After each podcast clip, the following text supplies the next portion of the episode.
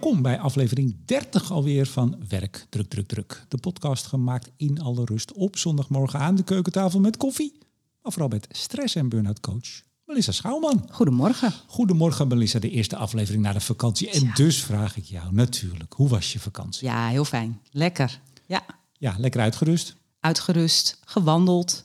Kijk Eh, eens dus aan. actief geweest ook. Nou ja, Ja. dat kan ook. Je kan in, in activiteit kun je uitrusten. Ja.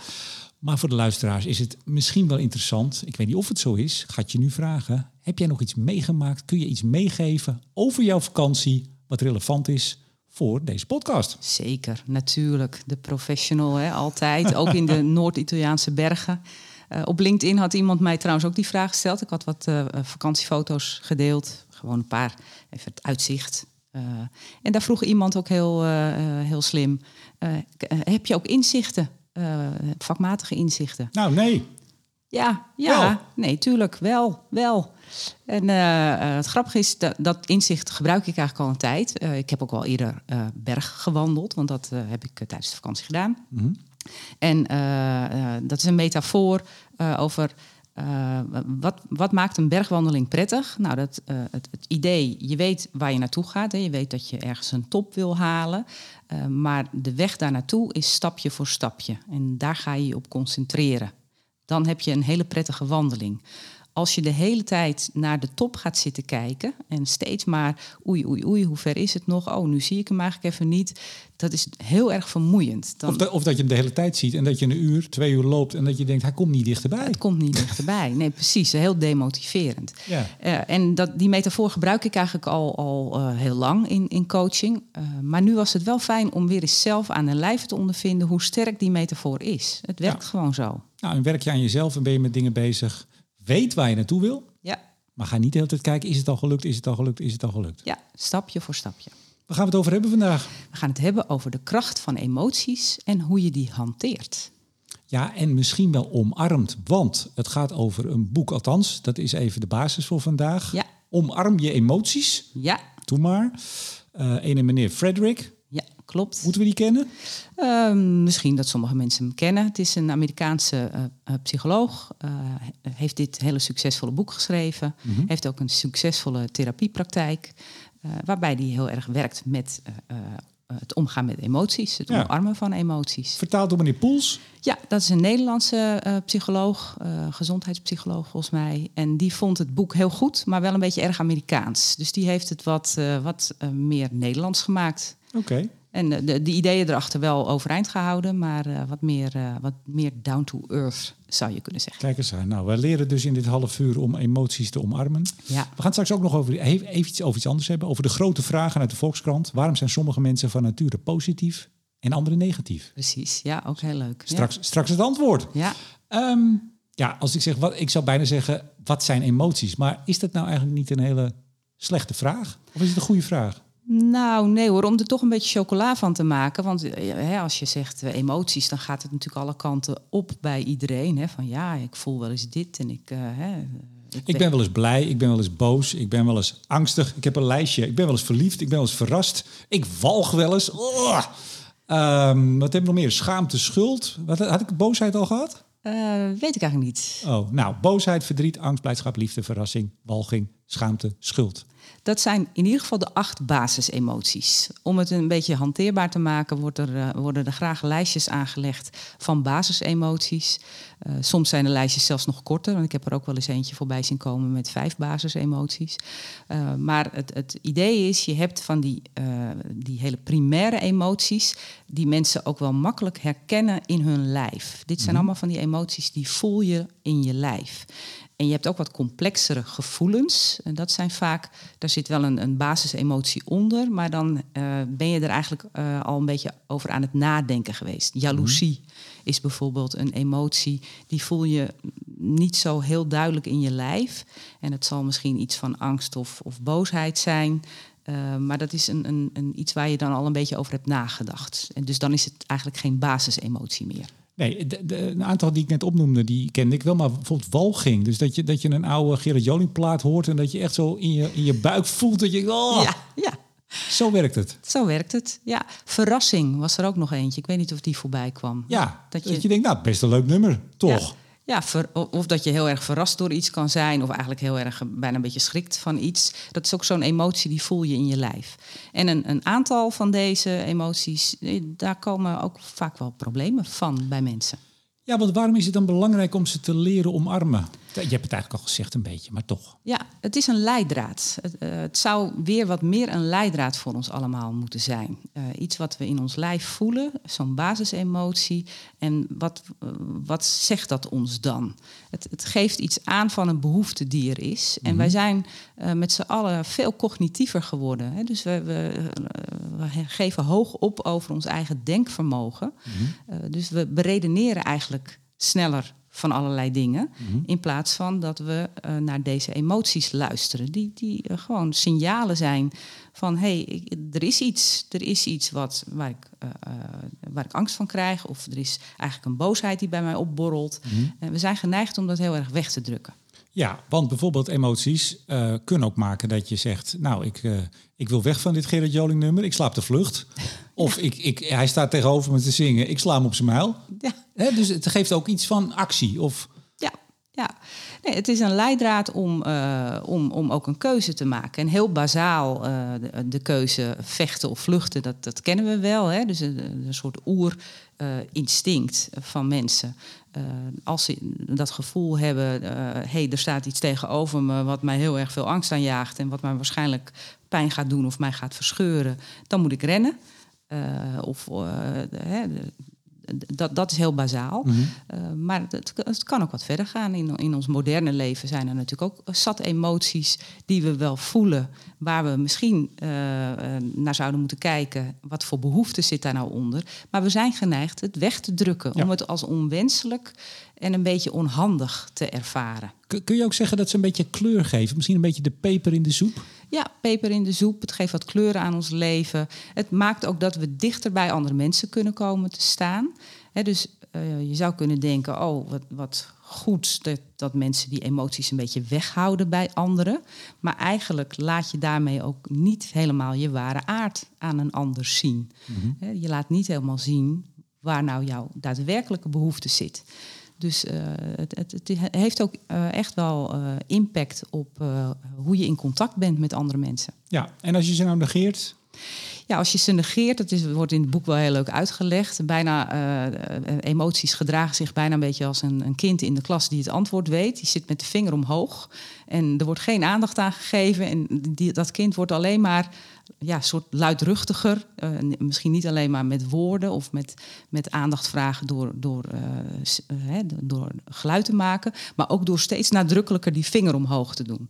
Nou, emoties doen dat ook. Die gaan dan opspelen. Ja. Die gaan dan ja, ook wel wat, wat fysieke signalen afgeven. Dus een beetje vermoeidheid of hoofdpijn of allemaal een beetje van die vage klachten geven. Wat, wat, ik, ik was zo'n kind die zo irritant... Ja, op de lagere school. In de klas, ja. Ja, op de lagere school. Dat heette toen de lagere school. Kan ik me wel voorstellen dat jij zo'n kind was eigenlijk. Maar wat, wij, wij mochten dan geen geluid maken. Dat kan me nog herinneren. Want wat we dan deden, dan ging je met je... Je mocht ook niet met je ha- hand omhoog, geloof ik. Dan met je armen zo over elkaar. En dat- het was eigenlijk zo, meester, meester. En dan ging je zo met je... Ja, ik doe nu voor me, je armen omhoog, je schouders omhoog. Je, je groter maken eigenlijk om te laten Ja. zien... Zie mij, zie mij. Ja. Ik weet het. Ja, ja, Ontzettend irritant. ja. ja, dus eigenlijk gedroeg jij je dan als zo'n emotie. En, eh, ja, de- de- maar als er dan geen aandacht voor kwam, ja, dan sloeg het toch ook een beetje naar binnen.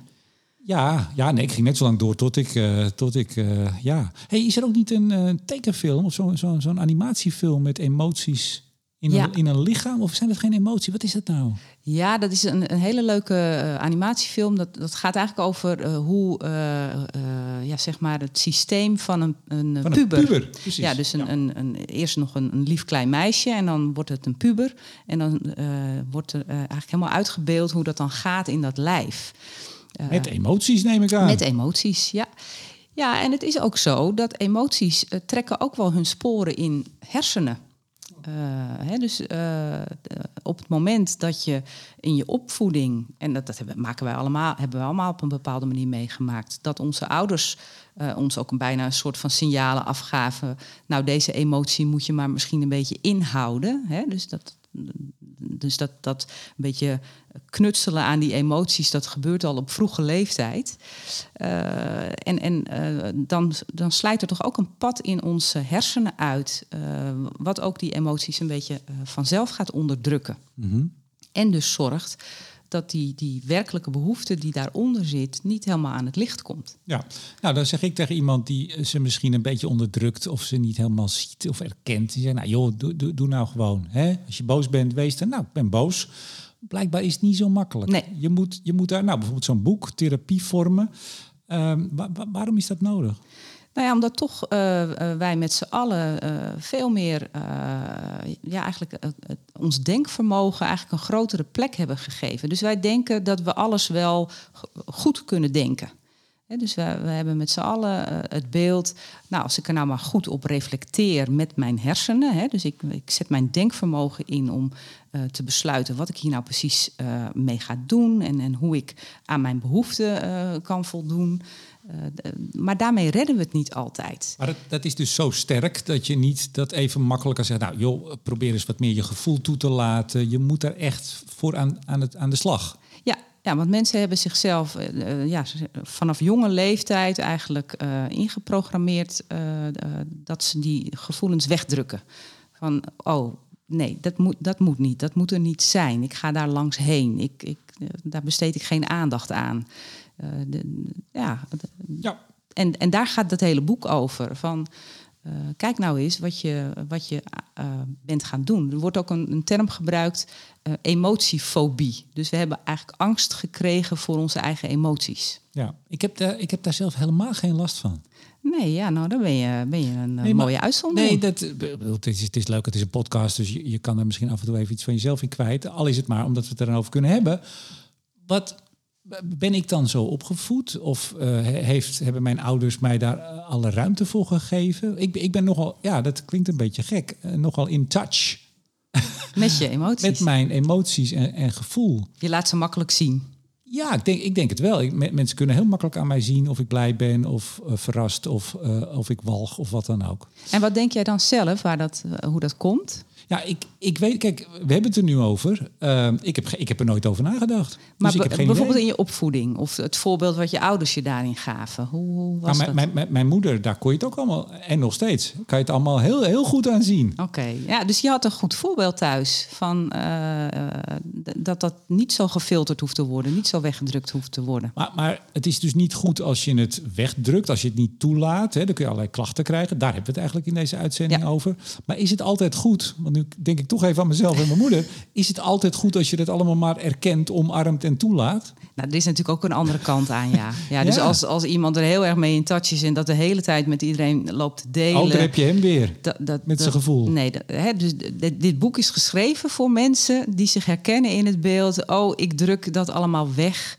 Ik eh, kan heel goed praten over mijn gevoel. Hè. En, en dat is ook wat deze eh, therapeuten die, eh, die aan dit boek hebben gewerkt.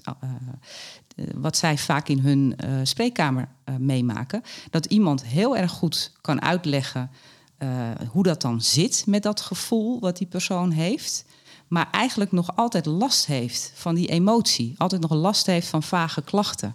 Eh, d- dus dat kan, dat kan zomaar gebeuren. Dat iemand wel heel erg cognitief eh, kan uitleggen waar die dan last van zegt te hebben. Maar dat niet goed eh, weet te voelen echt in het lijf. Ja, nou, ik, ik ga in ieder geval even kijken of meneer Frederick ook het boek Omarm je emoties, maar een beetje minder. Of hij misschien dat deel ook heeft geschreven. Misschien, Misschien, is het een ja. tip voor hem. Wie weet. Hey, we gaan het zo hebben over ehm, ja, hoe je dat nou doet. Ja, Hoe, eh, wat, hoe zet je nou de eerste stap? Maar eerst, ik zei het al even, er was eh, deze zomer in de Volkskrant, in de wetenschapsbijlage. eh, ja, de grote vragen konden mensen insturen. Bijvoorbeeld, waar eindigt het heelal? ja. Ja, Nou. bij voorkeur vragen waar echt nauwelijks een antwoord op te formuleren is. Dat, eh, daar had de Volkskrant toe, toe opgeroepen. Ja. Ik vond het e- echt ontzettend leuk Zeker. dat ze dat überhaupt al deden. Eh, en er zijn dus best wel veel mensen mee aan het werk gegaan. Want ook al eh, waren het vooral vragen met eh, hele ingewikkelde antwoorden... toch eh, was men bereid om erin te duiken. Ja, nou ja, ze, moest, ze moest ook wat in de zomer. Ze moesten de boel vullen natuurlijk. Ja, dat snap zo, ik. zo is het ook, hè? Ja.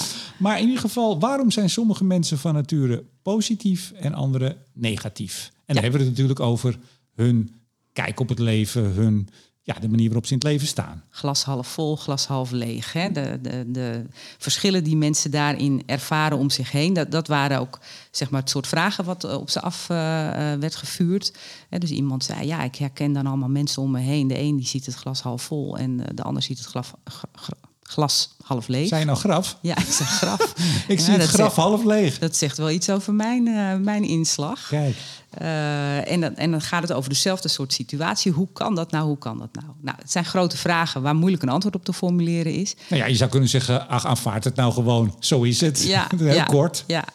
Nee, dus uh, Hoe zit het? heel verhaal erover. Nou, het antwoord is niet eenduidig. Uh, maar er is wel weer een nature-nurture uh, verhaal over te houden. Ben je ermee geboren of heb je het later aangeleerd? Ja, ja. en wij hebben zelf in uh, aflevering 18, ik weet niet of je nog kan herinneren. Oh ja, die als de dag van gisteren. De maakbaarheid van succes. Zeker. Hebben we het ook eens over nature-nurture gehad. en dat vond ik wel interessant om in dit artikel weer eens even langs te horen komen of te, te, te lezen. Mm -hmm. Hoe ingewikkeld dat ook is. Wat ze in ieder geval hebben, ge, uh, hebben uh, kunnen vastleggen, is dat ongeveer 25 à 30 procent genetisch is bepaald van een optimist, uh, optimistische kijk. Ja, dat vind ik al heel knap dat je dat met een marge van 5 procent kunt vaststellen. Ja, nou dat stellen ze dus vast door te vergelijken de, de, het onderzoek naar één eigen en het onderzoek naar twee eigen tweelingen. Mm -hmm. waar één eigen tweelingen genetisch helemaal exact hetzelfde zijn. Uh, en en uh, uh, twee eigen niet. Die ja. verschillen eigenlijk net zoveel als gewone broers en zussen. dus daar kunnen ze blijkbaar berekeningen op loslaten, waardoor ze dat, de, de, hoeveelheid genetische impact eruit kunnen halen. Maar wat de onderzoekers dan gelijk ook zeggen, ja, maar de rest is dus omgeving, is opvoeding, is wat je allemaal meemaakt.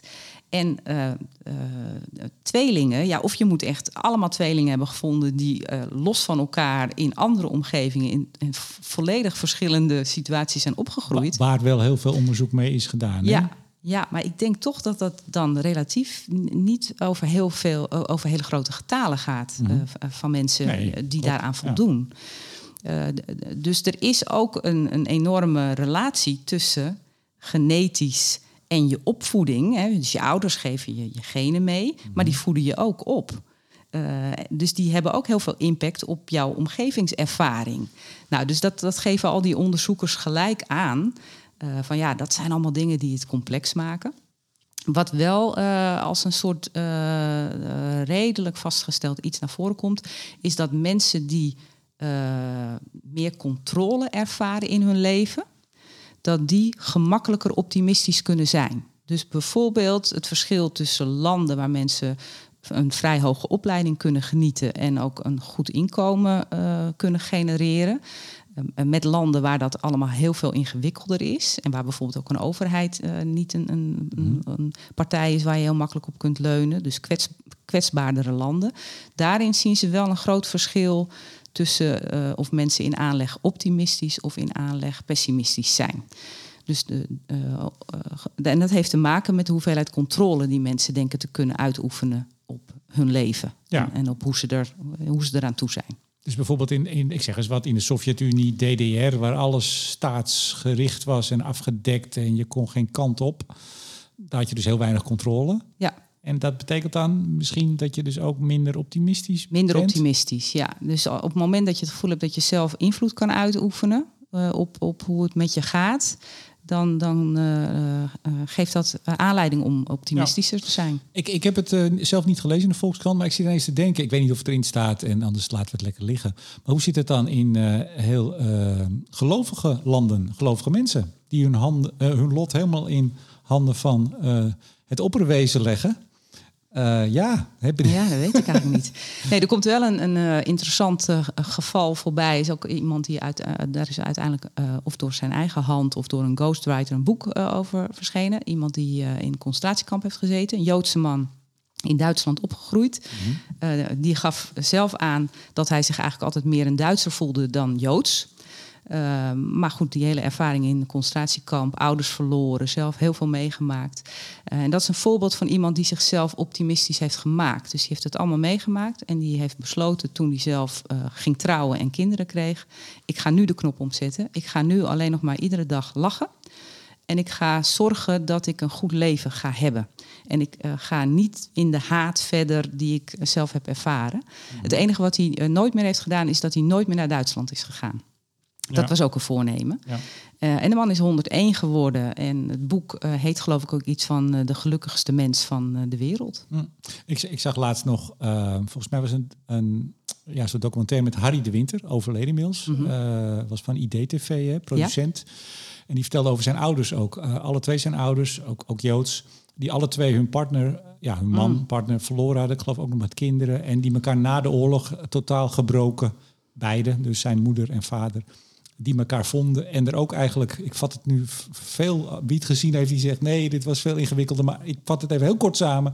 Besloten om, om, om het nog fijn te gaan hebben ja. met elkaar. Ja. Zoveel ellende, ja, dat zijn... Ja, dat zijn zulke imposante, hoe zeg je dat, uh, verhalen? Ja, nou, dus het grote antwoord op deze vraag ja. komt niet echt langs. Uh, er wordt trouwens nog wel iets, uh, iets positiefs ook gezegd over pessimisme. Oh. Namelijk pessimisme kan ook een beetje voortkomen uit een soort angst van er kunnen mij dingen overkomen, ik kan risico lopen. En daar moesten de onderzoekers toch ook wel van toegeven dat het soms ook wel verstandig was. Uh, uh, dat, je, dat je een beetje uitkijkt en dat je op de weg je bewust bent van de risico's die je daar loopt als je in de auto rijdt. Hè, dus aan pessimisme kleven ook wel wat positieve dingen. Nou, sterker, de, de hele optimistische oermensen, die, die leefden meestal niet zo lang. Want die dachten, ach, dat, dat wezen daar, die, die pak ik wel even. Dat redden we wel. En het bleek dan een dinosaurus of whatever. Nou ja, onze angst voor donker, hè, voor kinderen. Kinderen zijn bang voor donker. Ja. En dat schijnt echt, maar jij weet hier veel meer van dan ik, te komen uit de, de, de oer, oer, oer, oertijd, waarin als het donker was, was het echt heel gevaarlijk. Liep je meer gevaar. Liep je echt gevaar. De, toen hadden we ja. nog geen huisjes, ja. zeg maar. Ja, en ook de hoge verwachtingen die soms gepaard gaan met een, een bijna overdreven optimisme. Hè? Dus dat je denkt, nou, hè, dat, dat gaat mij allemaal wel lukken en het lukt niet. Dat kan je ook naar beneden trekken. Dus, nou. Mijn ouders zeiden altijd, en vooral mijn moeder, weet je, doe je best. Eh, eh, mik ergens op, doe je best en dan moet je maar kijken waar je uitkomt. Dat vind ik nog altijd een hele goeie. Heel goed. Ja, wat is jouw moeder dan toch een hele wijze vrouw voor jou geweest en nog steeds? 92 inmiddels. Ja. Kranige dame. We gaan door. We gaan weer naar het om omarmen van emoties. Dat gaan we nu eens even doen. Wat is de eerste stap? Melissa, ik wil emoties omarmen. Wat moet ik doen? Nou, het makkelijkste is eigenlijk, hè, dus als iemand het gevoel heeft, ik, ik, er zijn heel veel dingen die ik wegdruk, die voel ik dan wel heel even. Uh, maar dan, dan, dan wil ik dat zo snel mogelijk weg hebben. Blijf er even wat langer bij. Blijf even wat langer bij dat gevoel. En vaak voel je het in je lijf. Dus uh, mensen die hiermee aan de slag gaan, die gaan eerst eigenlijk vrij eenvoudige mindfulness oefeningen toepassen. En uh, gewoon aandacht besteden aan wat voel ik nou eigenlijk. Gewoon, gewoon letterlijk voelen. Ja, in mijn lijf voel ik iets in mijn buik, uh, voel ik iets bij mijn keel. Hogere hartslag? Bijvoorbeeld. bijvoorbeeld. Ja, ik weet niet of, je, of iedereen dat zo makkelijk voelt, maar eh, veel mensen geven eigenlijk gelijk wel aan. Oh, ik voel wel altijd een beetje zo'n soort verkramping in mijn buik.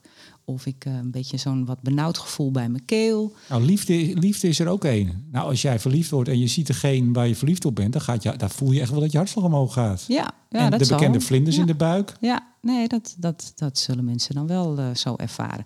Maar weer even in, uh, ja, ik zou bijna zeggen in het Engels, in touch komen met je lijf, de gewaarwording in je lijf. Dat is ook uh, natuurlijk waar mindfulness heel erg goed bij helpt. Dat is, dat is stap 1. Ja, maar even een tussenvraag als dat mag. Waarom gebruiken uh, jullie, zeg ik even in dit vak en ook in andere vakken, altijd het woord lijf en niet gewoon het woord lichaam?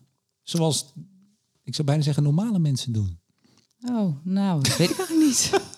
Toch een beetje een vakidioot dan geworden. Nee, niet zo. Je, meestal zeg je je lichaam. Ik, Ja. uh, maar uh, lijf, dat heeft iets, is, dat is iets anders ook, hè? Lijf, dat heeft iets meer, of niet?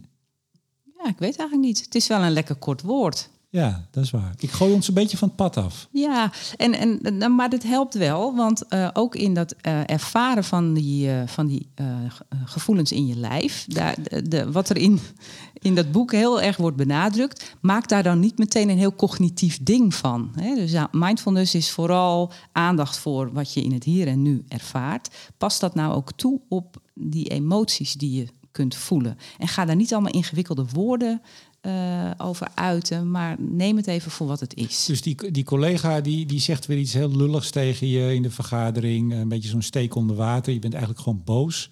Dat, dat moet je gewoon even, daar moet je even bij stilstaan. Ja, ja, Ik ben, ik ben nu boos op hem of haar. ja. En eh, er is ook nog wel een verschil in, eh, ga je dat allemaal gelijk uiten? Hè, Ga je dat allemaal gelijk delen met iedereen om je heen? Nee, het gaat in de eerste plaats om dat je het voor jezelf, eh, dat, je, dat je voor jezelf goed voelt. Wat is hier nu? En dat je ook alert bent, maar dat is eigenlijk al de volgende stap.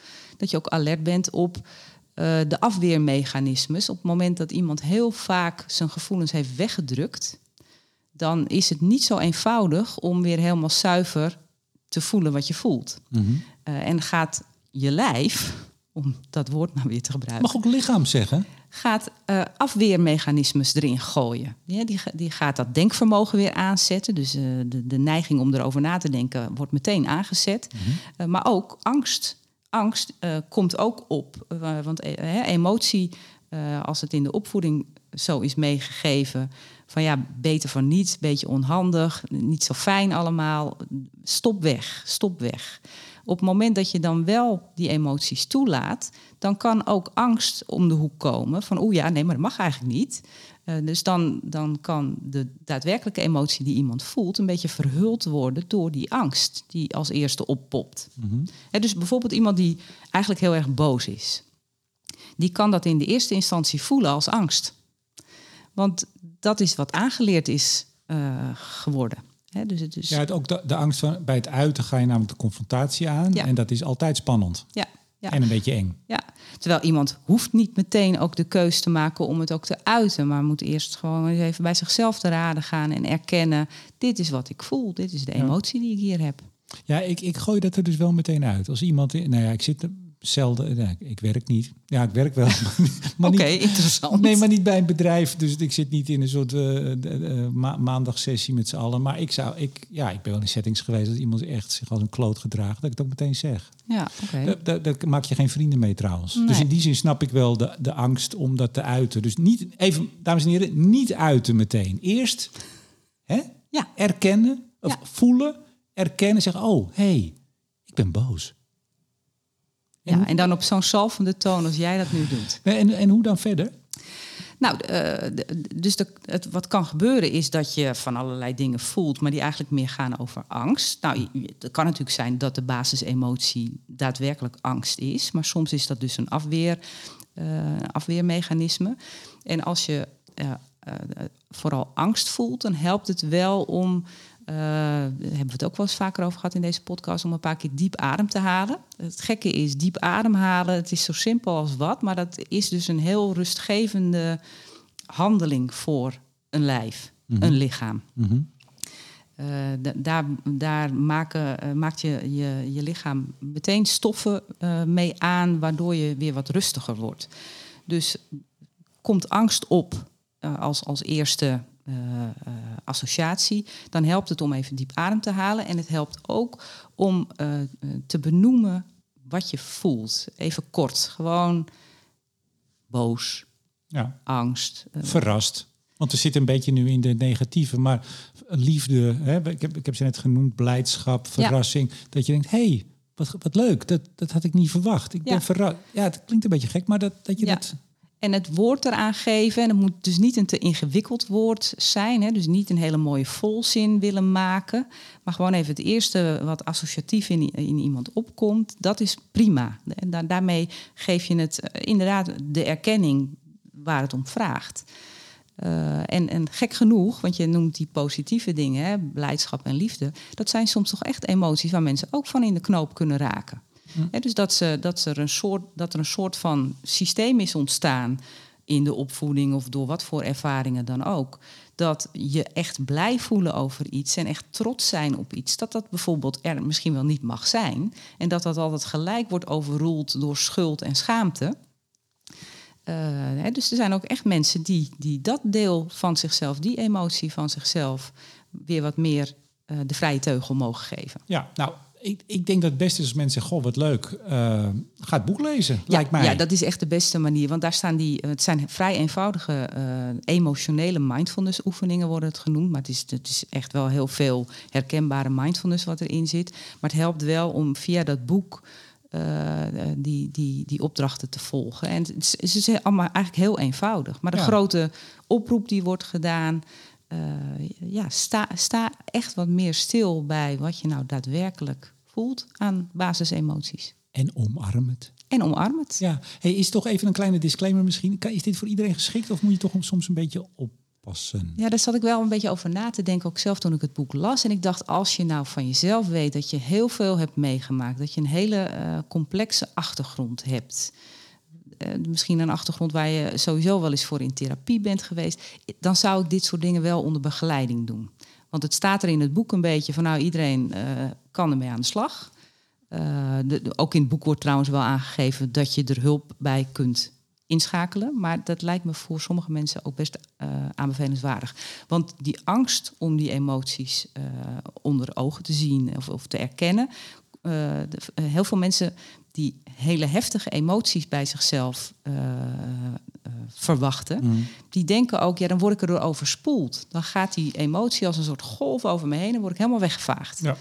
Nou, daar doen de schrijvers van het boek wel hun best voor om dat weg te nemen. Uh, maar ik kan me voorstellen, als je daar bang voor bent, dat het dan uh, helpt om dat uh, onder begeleiding te doen. Van een ja. therapeut of een goede coach. Nou, heel goed. Goede tip, goede disclaimer. Um, ik denk dat we er zijn. Ja, dat denk ik ook.